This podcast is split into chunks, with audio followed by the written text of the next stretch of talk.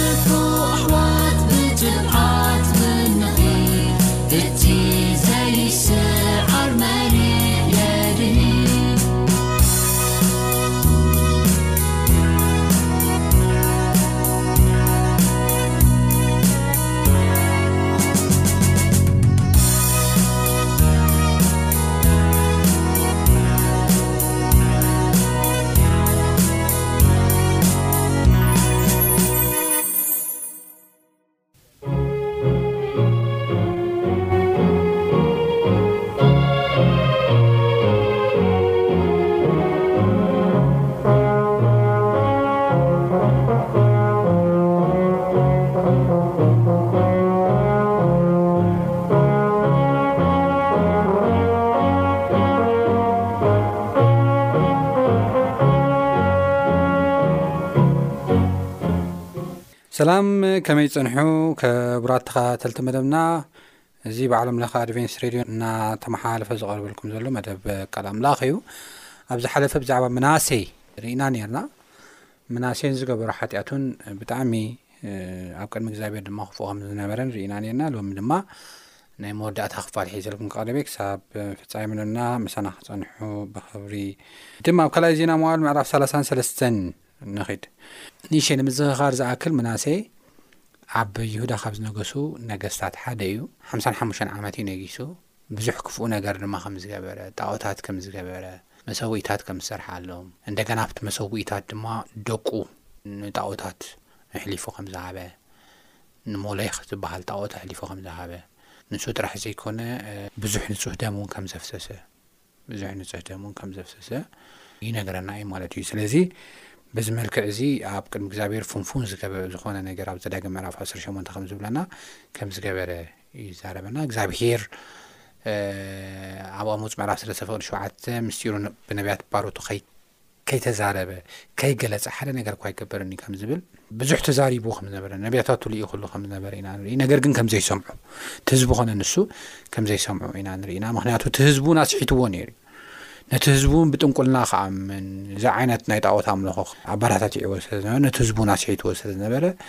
በዚ መልክዕ እዚ እቲ ህዝቡን ክሰምዕ ከም ዘይከኣለ እዩ ዝሓለፈ ናይ መፅሓፍ ቅዱስ እናርእናዮ ብዝኾነ ናይ ሎሚ ናይ መወዳእታ ናይ መወዳእታ ናይ መናሲ ህይወት ከመይ ይመስል ነይሩ ዝብል ቅድሚ ምርኣይና ካብቶም ነቢያት ዝተዛረብዎ ዘረባ ኢና ክንርኢ ማለት እዩ ቅድሚ ኩሉ ግን እግዚኣብሔር ምእንቲ ከምህረናን ክመርሓና ንሕፅር ዝበለ ጸሎት ክንጽሊ ኢና ንጸሊ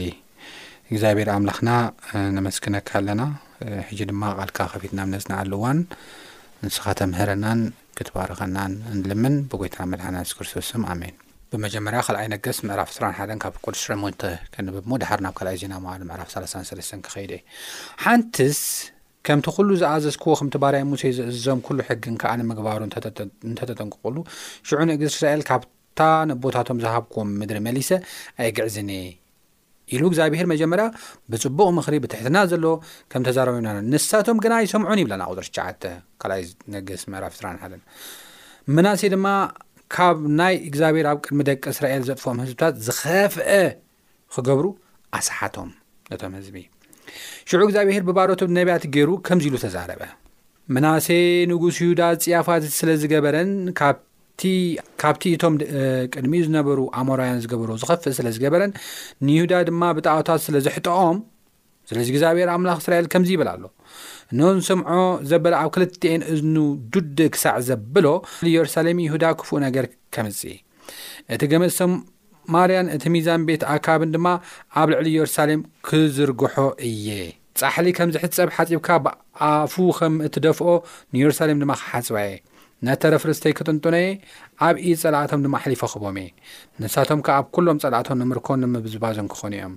እዚ ኣብ ቅድመይ ክፉእ ስለ ዝገበሩን ካብታ ኣባታቶም ኣብ ግብጺ ዝወጹላ መዓልቲ ጀሚሮም ክሳዕ ሎሚ መዓልቲ ስለ ዘዀረዩንን፣ እዩ ይብል። ኣብዚ ሓሳብ እዚ ስለ ዘይሰምዕዎ ክእዘዝዎ ስለ ዘይከኣሉ እግዚኣብሔር ብነቢያቱ ባሮት ገይሩ ዝተዛረቦ እዩ ኣብዚ ክንሪኦ ዘለና ብፍላይ ኣብ ቁፅሪ 13 ዘላ ቅድሚ ምትንታነ ክንሪኦ ዘለና ሓሳብ ኣሎ ምናሴ ኣብ 677 ዓመተ ዓለም ኣከባቢ ዝነበረ ሰብ እዩ 677 ዓመተ ዓለም ማለት ቅድሚኡ ኣብ 723 ሰማርያን እስራኤል ሰሜናዊ እስራኤልን ብኣሱር ተማሪኾም ክንደይ ስቓይ በጺሕዎም ክንደይ ሽግር ሓሊፎም ኣብ ዝነበርሉ ግዜ ዝረኣዩ ሰባት እዮም ማለት እዩ ብኣሱር ከመይ ዓይነት መከራ ከም ዝሓለፉ ይፈልጡ እዮም ኣብ ዝሓለፈ ሰንበት ትምህርትና ብዛዕባ ዮናስ እናረኣና ነርና ዮናስ ኣብ ኣሱር ሓያል ፅልኢ እዩ ነይርዎም ነነወይ ንስሓ ክኣት ነነወይ ማለት ናይ ኣሱር ዋና ከተማ እያ ስለዚ ነወይ ክትጠፊኣ ኢልካ ስበክ ተባሂሉ ይጥፉ ኣነ ይከይድኔ ኢሉ ንዘይምስባኽ ዝሃደመ ነቢ እዩ ምክንያቱ ኣሶር ኣብ ሰሜን እስራኤል ዓብዪ ዝኾነ ግፍዒ እዮም ገይሮም ዓብ ዝኾነ ብጭካነ እዮም ዝፍለጡ እዮም ብጭካነኦም ዝፍለጡ እዮም ጨካናት እዮም ነሮም ሰብ ብቆርቦት ብሂወቱ ቆርቦቱ እዮም ዝገፍዎ ነሮም ክሳብ ክንዲዚ ጨካናት እዮም ነሮም ካብ ዝተላዕለ ዮናስ እግዚኣብሄር ንስሓ ክኣትዉ ይኽእሉ እዮም ህዝቢ ኣለውኒ ኪድ እኳ ተተባሃለ እምቢኢሉ እዩ ድሓር ናብ ከብዲ ዓሳ ኣትዩ ድሕሪ ናብ ከብዲ ዓሳ ምስ ወፀ ምስ ሰበ ከሎም እቶም ሰባት ንስሓ ኣትዮም እቲ ቁጣዓ ኣምላኽ ድማ ከም ተመልሰ ነነወይ ድማ ከም ዘይተገልበጠት ምስ ራእይ ዮናስ ሓሪቑ እዩ ምስ እግዚኣብሔር ተባኢሱ እዩ ኣነ መሓሪ ከም ዝኾንካፍ ስለ ዝፈለጥኩ ከምቲ ምሕርም ስለ ዝፈለጥኩ እየ ናብ ተርሴስ ሃዲመ ነይረ ሕጂ ከዓ ካብ ህይወት ሞት ይሕሸኒ ኢሉ ብሄር ምስ እግዚኣብሔር ከም ተጻልኤ ኢና ንርኢ ብጣዕሚ ዝገርም ነገር እዩ ሕጂ ካብ ሸውዓተ ሚእትን ዕስራን ሰለስተን ዓመተ ዓለም ጀሚሩ ክሳብ ሽዱሽተ ሚእትን ሰማንያን ዓመተ ዓለም ምክንያቱ ዓመተ ዓለም ናብ ታሕቲ እናቆፀረ እዩ ዝኸይድ ናብ ላዕሊ ይኮነን ናብ ታሕቲ እናቆፀረ እዩ ዝኸይድ እዚ ዓይነት ግፍዕታት ኣብ ሕዋቶም ክበፅሕ ከሎ ሪኦም እዮም በዓል ምናሴ ይፈልጡ እዮም ኣብ ከመይ ዓይነት ስቃይ ኣብ ከመይ ዓይነት ሰማርያ ኣብ ከመይ ዓይነት መከራ ከም ዝነበሩ ይፈልጡ እዮም እዚ ዓይነት መከራ እዚ ዓይነት ሽግር እናረኣዮ ግን ካብ ሓጢኣቶም ክምለሱ ይከኣሉን ንምንታይ እዮም እዞም ሰባት ኣብ ሽግር ወዲቖም ዘለዉ ንምንታይ እዮም ናብዚ ዓይነት ጥፍኣት ኣትዮም ዘለዉ ኢሎም እኳ ከስተንትኑ ይከኣሉን ሰሜን እስራኤል ብከምዚ ዓይነት ሓጢኣት ብምሕላፍ ናብ ሽግር ከም ዝወደቑ ኣይፈልጡን እዮም ነሮም ኣይተረድኦምን ነይሩ መለበሚኣ ይግበርካ መለበሚኣ ይኽላእኻ ከም ዝበሃል ጽቡቕ መለበሚ ተዋሂብዎም ነይሩ እሕዋቶም ኣብ ሰሜን እስራኤል ዝነበሩ ዓሰርተ ነገዳት እስራኤል ኣብ ከምዚ ዓይነት ስቓይ እናሓለፉ እናረኣይዎም ኣብ ክንዲ ንስሓ ዝኣትዉ ኣብ ክንዲ ጣዖታቶም ዘርሕቑ ኣብ ክንዲ ኣብ ቅድሚ እግዚኣብሄር ፍንፉን ዝኾነ ነገር ዘወግዱ ንሳቶም ግን ሓጢኣት እዮም ቀጺሎም ነዚ እግዚኣብሄር ከዓ እንታይ ኢልዎም እቲ ገመድ ሰማርያ ሰማርያ ማለት ናይ ሰሜን እስራኤል ዋና ከተማ ዝነበረት እያ። እቲ ገመድ ሰማርያ፣ እቲ ሚዛን ቤት ኣካብ ድማ ኣብ ልዕሊ የሩሳሌም ክዝርግሖ እዩ። የሩሳሌም ድማ ይሁዳ እያ፣ ኣብዚ መናሴ ዘለዎ እዩ። ኣብ ልዕሊ ኢዮርሳሌም ክዝርግሖ እዩ እቲ ገመድ እቲ ገመድ ስቓይ እቲ ገመድ መከራ ናይ ኣሶር ሽግር ማለት እዩ ክዝርግሖ ኢሉ ብነቢያቱ ከም ተዛረበ ኢና ንርኢ ንሱ ጥራሕ ኣይኰነን፣ ጻሕሊ ከም ዚሕጸብ ሓጺብካ ብኣፉ ኸም እትደፍኦ፣ ንየሩሳሌም ድማ ክሓጽባ እየ፣ ሕጽቦ ኸካይድ እየ። ኢንፋክት እቶም ተረፍ ርስተይ እውን፣ እቶም ንዓይ ዘምልኹ እውን ክጥንጥኖም እየ። ኣሜን። እቶም ተረፍ እስራኤል እውን፣ እቶም ተረፍ ርስተይ እውን ክጥንጥኖ እየ፣ ኣብ ኢድ ጸላእቶም ድማ ኣሕሊፈ ኽህቦም እየ ኢሉ ከም ተዛረበ ኢና ንርኢ። ክሳብ ክንደይ እግዚኣብሄር ከም ዝጓሃየ ዘርኢ ሓሳብ እዩ። ምኽንያቱ ክመሃሩ ይከኣሉን። መለበሚ ተዋሂቦም እናሃለወ በዚ መለበሚ ግን ክጥቀሙ ይከኣሉ ኣ ሓጢኣት እዮም ሰሪሖም ኣሕዋት ሎም እውን ከም ሰብ እንሕሰብ ብዙሓት ብጦርነት ብሽግር ብመከራ ብጥሜት ዝሓልፉ ዓድታትን ሃገራትን ኣለዉና ኣብዚ ዓለም እዚኣ ካብኦም ክንምሃር ይግበኣና እዩ ምህለላ ክንገብር ይግበኣና እዩ ዝግዮ ክንብል ይግበኣና እዩ ናብ ኣምላኽ ክንምለስ ይግበኣና እዩ ጣውታትና ከነወግድ ይግበኣና እዩ ናብ መፅሓፍ ቅዱስ ክንምለስ ይግበኣና እዩ ብመጽሓፍ ቅዱስ ንእግዚኣብሔር ከነምልኾን ክንሰግደሉን ይግብኣና እዩ እምበር ንኻልኦት መለበሚ ክንከውን ኣይግብኣናን እዩ ከም ዓያሹ መለበሚ ይወሃበና እዩ ዘሎ ብዙርያና ዘሎ ዓድታት ንሕና መለበሚ ንኻልኦት ክንከውን ኣይግብኣናን እዩ ካብ ዝጥፍኣት እዚ ክንድሐን ይግብኣና እዩ ናብ ኣምላኽ ክንምለስ ይግብኣና እዩ ቃል ኣምላኽ ክንርኢ ይግብኣና እዩ ንኣምላኽ ዝጸልኦ ነገር ዝፍንፍኖ ነገር ካብኡ ድማ ዝፍንፍኖ ነገር ካብ ሂወትና ከነርሕቕ ይገባኣና እዩ እዚ እቲ ሓቂ ነገር ግን ከም መናእሰዮም ብን ተዳኢልና ዓብ ሽግር ከም ዝመፅእ እዩ ምክንያቱ እግዚኣብሄር ዘዳሉ ሰብ ኣይኮነን ኣምላኽ ዘዳሉ ኣይኮነን ንኩሉ ኩሎም ደቁ እዮም ኩሎም ደቂ ኣዳም እዮም ንኩሉ ከዓ ብማዕረ እዩ ዝቐፅዕ ዕድል ይህብ ይቐፅዕ እንተ ደኣ ዘይተመሊሶም ዕድል ይህብ ይቐፅዕ ስለዚ ንሕና እውን ካብ ከምዚ ዓይነት ቅፅዓት ክንድሕንን ከነምልጥን ናብ እግዚኣብሄር ክንቀርብ ይግባኣና እዩ ኣብ ቅድሚ እግዚኣብሄር ዘፈንፍን ነገር ከነምፅእ ኣይገባእን እዩ እናበልኩ ናብ ካልኣይ ዜና መዋር ምዕራፍ 33 ናብ መእተው ዝበልኩ ሓሳብ ክኸይድ ናይ መወዳእታ ናይ መናእሰ ጉዳይ እንታይ እዩ ነይሩ እዚ ኣዝዩ ከቢድ ብነብያት እተዘርበ ዘረባ ኣብ ይሁዳ ከም ዝበጽሐ፣ እቲ ገመድ ሰማርያ ኣብ እዮርሳሌም ከም ዝወደቐ ኢና ንርኢ። ናይ ኣሶር ነገሳት መጺኦም ንይሁዳ ከም ዝወረርዋ እዩ ዝዛረበና። እንታይ ይብል? ካልኣይ ዜና መዋዕል ምዕራፍ ሰላሳን ሰለስተን ፍቕዲ ዓሰርተ እግዚኣብሄር ድማ ንመንሰዮን ንህዝቡን ተዛረቦም፣ ንሳቶም ግና ናብኡ ኣየቕለቡን። ሽዑ እግዚኣብሄር ናብቲ ንጉስ ኣሶር ሓለቓ ሰራዊት ኣብ ልዕሊኦም ከም ዝመጹ ገበረ። ኣሶር ክመጽእ ናብዚ ዓዲ እዚ ናብ ይሁዳ ናብ የሩሳሌም ክመጽእ ዝገበረ እግዚኣብሄር ባዕሉ እዩ። ምክንያቱ እምቢ ስለ ዝበሉ ዝፈቐደ እምቢ ስለ ዝበሉ እዩ ንዓ ምጻእ። ሽዑ እግዚኣብሄር ናብቲ ንጉስ ኣሶር ሓላቓ ሰራዊት ኣብ ልዕሊኦም ከም ዝመጹ ገበረ፣ ንሳቶም ድማ ንምናሴ ብመቓጥን ሓዝዎ። ነቲ ንጉስ ሓዝዎ ማለት ብሙሉ ዕንውንው ኣቢሎም እዮም ነቲ ንጉስ ሒዞሞ። ንጉስ ማለት ናይ መወዳእታ እዩ ናይቲ ዓዲ። ንጉስ ሒዝካዮ ማለት እታ ዓዲ ብምልኣ ተወሪራ ኣላ፣ እታ ዓዲ ጠፊኣ ኣላ ማለት ኣድፍፍፍፍፍ ኣቢሎም ነቲ ንጉስ እውን ከም ዝሓዝዎ ኢና ንርኢ። ኢንፋክት ክሕዝዎ ከለዉ ክብሪ ሰብ እውን ኣይሃብዎን። ብመቓጥን መቓጥን ማለት ኣፍንጫ ዝኣቱ ሰንሰል ማለት እዩ። ባርያ ኢኻ ኣብ ቅድሜና ግዙእ ኢኻ ኢሎም ምስ ምስሉ እዮም ሒዞሞ ኮይኖም። ባርያ እዩ ኩሉ ግዜ እንታይ ዝግበር ነይሩ እዝኑ ዝስቆር ነይሩ ብሰንሰል እናተጎተ ክሳዱ ዝጎትዎ ነይሮም። እዚ ግን ክሳዱ እውን ኣይሃብዎን። በፍንጭኦም መቓጥን እትዮምሉ መሳልል በሲዖም። በዚ መልክዕ እዚ ዓቢ ዝኾነ ባርነት ከም ዝኣትወ ኢና ካብ ጀምስ ምዑዝ ዝተላዕል። ሽዑ እግዚኣብሄር ናብቲ ንጉስ ኣሶር ሓለቓ ሰራዊት ናብ ልዕሊኡ ከም ዝመጹ ገበረ፣ ንሳቶም ድማ ንምንሳስ ብመቓጥን ሓዝዎ፣ ብኽልተ ሰንሰለታት ኣሲሮም ድማ ናብ ባቢሎን ወሰድዎ። ዓቕሉ ምስ ጸበቦ ድማ ኣብ ቅድሚ እግዚኣብሔር ኣምላኹ ጸለየ። ኣሳቐዮሞ ብጣዕሚ ጨካናት እዮም ነይሮም ከምቲ ቅድም ኢለ ዝበልኩኹም። ጸለየ ኣብ ቅድሚ ኣምላኽ ኣቦታቱ ኣዝዩ ርእሱ ኣትሓተ ይብለና። ናብኡ ኸኣ ተማህለለ። ንሱ ድማ ራሕርሓሉ። ጸሎቱ ኸኣ ሰምዖ፣ ናብታ መንግስቱ ናብ የሩሳሌም ድማ ኣመለሶ። ሽዑ መናእሰይ እግዚኣብሄር ንሱ ኣምላኽ ከም ዝዀነ ፈለጠ። ድሕርዚ ድማ ንሱ ንኸተማ ዳዊት ኣብ ወገን ምዕራብ ጊሆን ኣብታ ለሰ ኽሳዕ ናብ ደገ ኽሳዕ ዝኣትወሉ ኣብ ዙርያ ዖፌል ናብ ወጻኢ መካበብያ ነደቐ። ኣዝዩ ድማ ኣባረኾ፣ ኣብ ኵለን ዕሩድታት ከተማታት ይሁዳ ኸኣ ሓላቑ ጭፍራታት ኣቐመጠ። እቶም ጓናት ኣማልኽቲ ምስሊ ጣኦታትን ድማ ካብታ ቤት እግዚኣብሄር ኣውጽኦ፣ ነቲ ከረን ቤት እግዚኣብሄርን ኣብ የሩሳሌም ነዲቑዎ ዝነበረ ኵሉ መሰውኢታት ከኣ ኣርሒቑ ናብ ወጻኢ ኸተማ ደርበዮ። ነቲ መሰውኢ እግዚኣብሄር ድማ ሓደሶ እሞ፣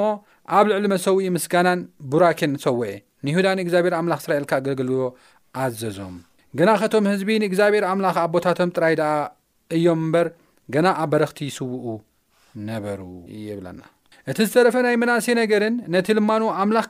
ነቶም ራእይቲ ብስም እግዚኣብሔር ኣምላኽ እስራኤል ዝተዛረቦ ቃላትን እንሆ ንሱ ኣብ ዛንታ ነገስታት እስራኤል ጸሓፎ።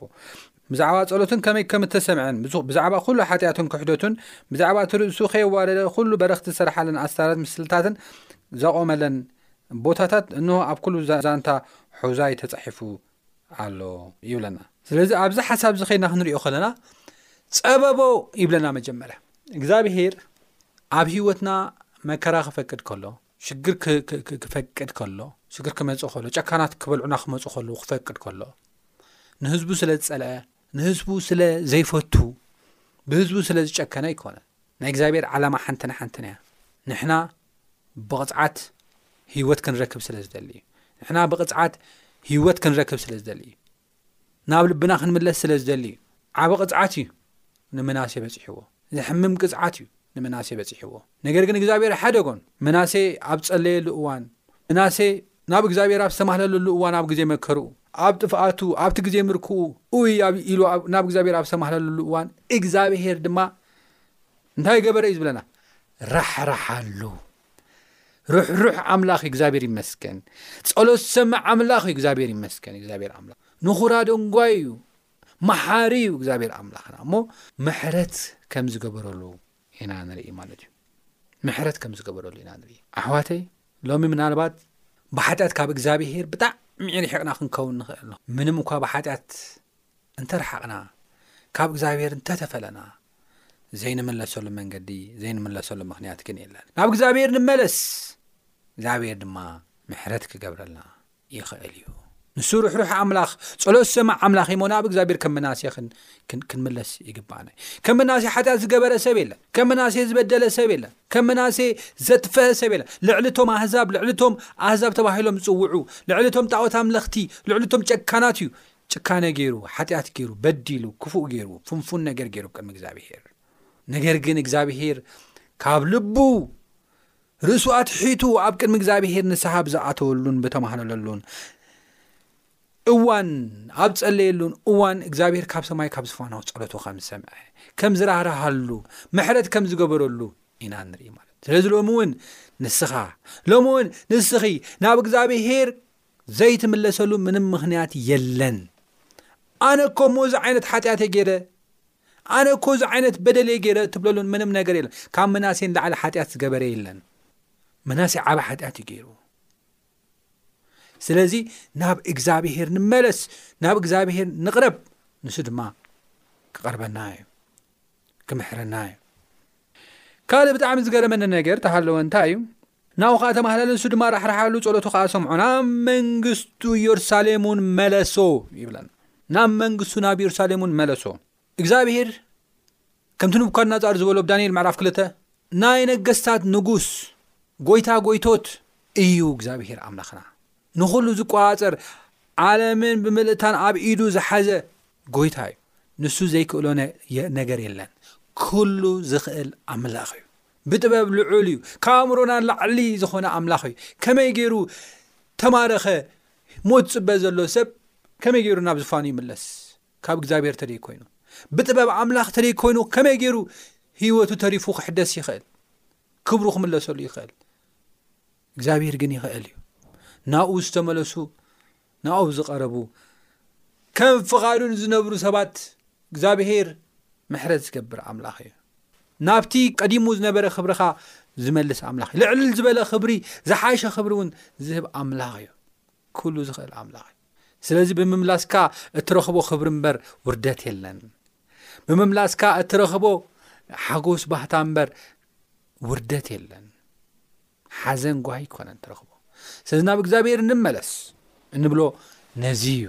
ክብል እደሊ ሽዑ ይብል መፅሓፍ ቅዱስ ክዛረበና ከሎ ምናሴ እግዚኣብሄር ንሱ ኣምላኽ ከም ዝኾነ ፈለጠ ይብለና ንሱ ኣምላኽ ምዃኑ ፈለጠ ፈለጠ ጥራሕ ዘይኮነሲ ድሕሪዚ ድማ ንከተማ ዳዊት ኣብ ወገን ምዕሩብ ጊሆን ኣብታ ክሳዕ ለሰ ብደገ ዓሳ ዝኣትውላ ኣብ ዙርያ ዔፉል ናብ ወጻኢ መካባብያ ነደቐ፣ ኣዝዩ ድማ ኣባረኾ፣ ኣብ ኩለን ዕዱዳት ከተማታት ይሁዳ ኸኣ ሓላቑ ጭፍራታት ኣቐመጠ። ነቶም ጓኖት ኣማልኽቲ ምስ ጣኦታት ድማ ካብቲ ቤት እግዚኣብሄር ኣውጽኦ፣ ነቲ ኣብ ከረን ቤት እግዚኣብሄር ኣብ የሩሳሌም ነዲቖ ዝነበረ ኩሉ ኸኣ መሰውኢታት ከኣ ኣርሒቑ ናብ ወጻኢ ከተማ ደርበዮ፣ ነቲ መሰውኢ እግዚኣብሄር ድማ ሓደሶ። ኣብ ልዕሊ መስዋእቲ ምስጋናን ቡራኬን ሰወየ። ንይሁዳ ንእግዚኣብሔር ኣምላኽ እስራኤል ከገልግልዎ ኣዘዞም። ምናሴ ማለት ትርጉሙ ኣረሰዓኒ፣ እግዚኣብሔርሲ እቲ ዝነበረ መከራይ፣ እቲ ዝነበረ ሽግረይ፣ እቲ ዝነበረ ውርደተይ፣ እቲ ዝነበረ በቃ ፈተናይ፣ ዝሓለፍኩዎ ከቢድ ነገራት ኣረሰዓኒ ማለት እዩ። ምናሴ ብፍላይ ኣሶር ኣብ ዝሓዝሉ እዋን ንክንደይ ዓመት ከም ዝኾነ ኣይፈለጥናን፣ እተጻሓፈ ነገር የለን። ግን ዝሓለፉ ዓመታት ይኹን ወርሓት ቀሊል ኣይነበረን። ጸበቦ እዩ ዝብለና ከቢድን መከራ ዝመልኦን ከም ዝኾነ እዩ ዝዛረበና። በዚ መልክዕ እዚ እግዚኣብሔር ከም ዘረስዖ፣ መከርኡ ከም ዘረስዑ፣ ናብቲ ቀድሞ ክብሩ ከም ዝመለሶ ኢና ንርኢ። ምናሴ ዝበሃል ነይሩ ሓደ ወዲ ዮሴፍ። ዮሴፍ ልክዕ ከም ምናሴ ብዙሕ ማለት ሓጢኣተኛ ሰብ ኣይነበረን፣ ቅኑዕ ሰብ እዩ ነይሩ ዮሴፍ ግን ብዙሕ መከራ ዝሓለፈ ብዙሕ ፀበባ ዝሓለፈ ሰብ እዩ። ኣሕዋቱ ዝደርበይዎ ክቀትልዎ ዝሓሰቡ እንደገና ንባርነት ዝሸጥዎ ንቁሩብ ሳንቲም ኢሎም ካብ ኣሕዋቱ ተነጺሉ ዝነበረ ብኣሕዋቱ ተዝጸልዐ እንደገና ናብ ግብጺ ምስ ከደ ከኣ ብሓሶት እስር ቤት ዝኣተወ ኣብ እስር ቤት ብዙሕ ሽግር ዝሓለፈ ሰብ እዩ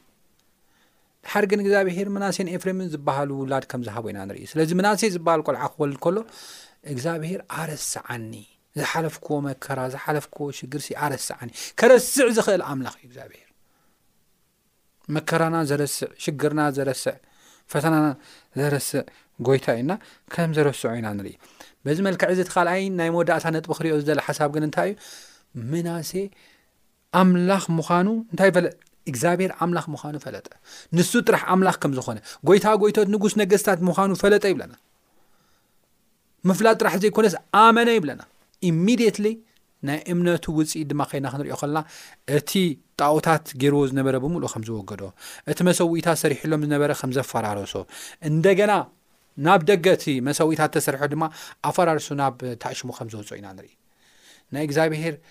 ቤተ መቕደስ ጽቡቕ ገይሩ ከም ዝሓዞ ንእግዚኣብሄር መስዋእቲ ምቕራብ ከም ዝጀመረ ንብዙሓት ድማ ንናይ እግዚኣብሄር ቤተ መቕደስ ናብኦ መጺኦም ክሰግዱ እግዚኣብሄር ኣምላኽ ጥራሕ ምዃኑ ፈሊጦም ን ናብኡ ክስዕቡ ከም ዝኣዘዘ ኢና ንርኢ ማለት እዩ ስለዚ በዚ ዓይነት ህይወት ናቲ ጸበቡ ኣረሲዑ ሓድሽ ህይወት ብምጅማር ብከምዚ ዓይነት ህይወት ክነብር ከም ዝገበሮ እግዚኣብሄር ኢና ንርኢ እሞ እዚ ንዓና ዓቢ ትምህርቲ እዩ ዓቢ ትምህርቲ እዩ ናብ እግዚኣብሄር ተመሊሰ እየ ኢልና ኣነ እግዚኣብሄር ፈሊጠ እየ ኢልና ሓድሓደ ግዜ እንታይ ንገብር ኢና ተግባር ኣይንገብርን ኢና፣ ኣይንእዘዝን ኢና፣ ናይ እምነትና ውጽኢት ኣይነርእን ኢና። ያእቆብ ግን እንታይ ኢሉና? ያእቆብ ምዕራፍ ክልተ ከድና ኣብ ንርእየሉ እዋን፣ ኣጋንንቲ ይኣምኑን ይንቀጥቀጡን እዮም። እግዚኣብሔር ዓቢ ምዃኑ፣ እግዚኣብሔር ሰማይን ምድርን ዝፈጠረ ምዃኑ፣ ካብ እምሮና ንላዕሊ ጥበበኛ ምዃኑ፣ ኩሉ ዝፈልጥ ምዃኑ ንፈልጥ ኢና።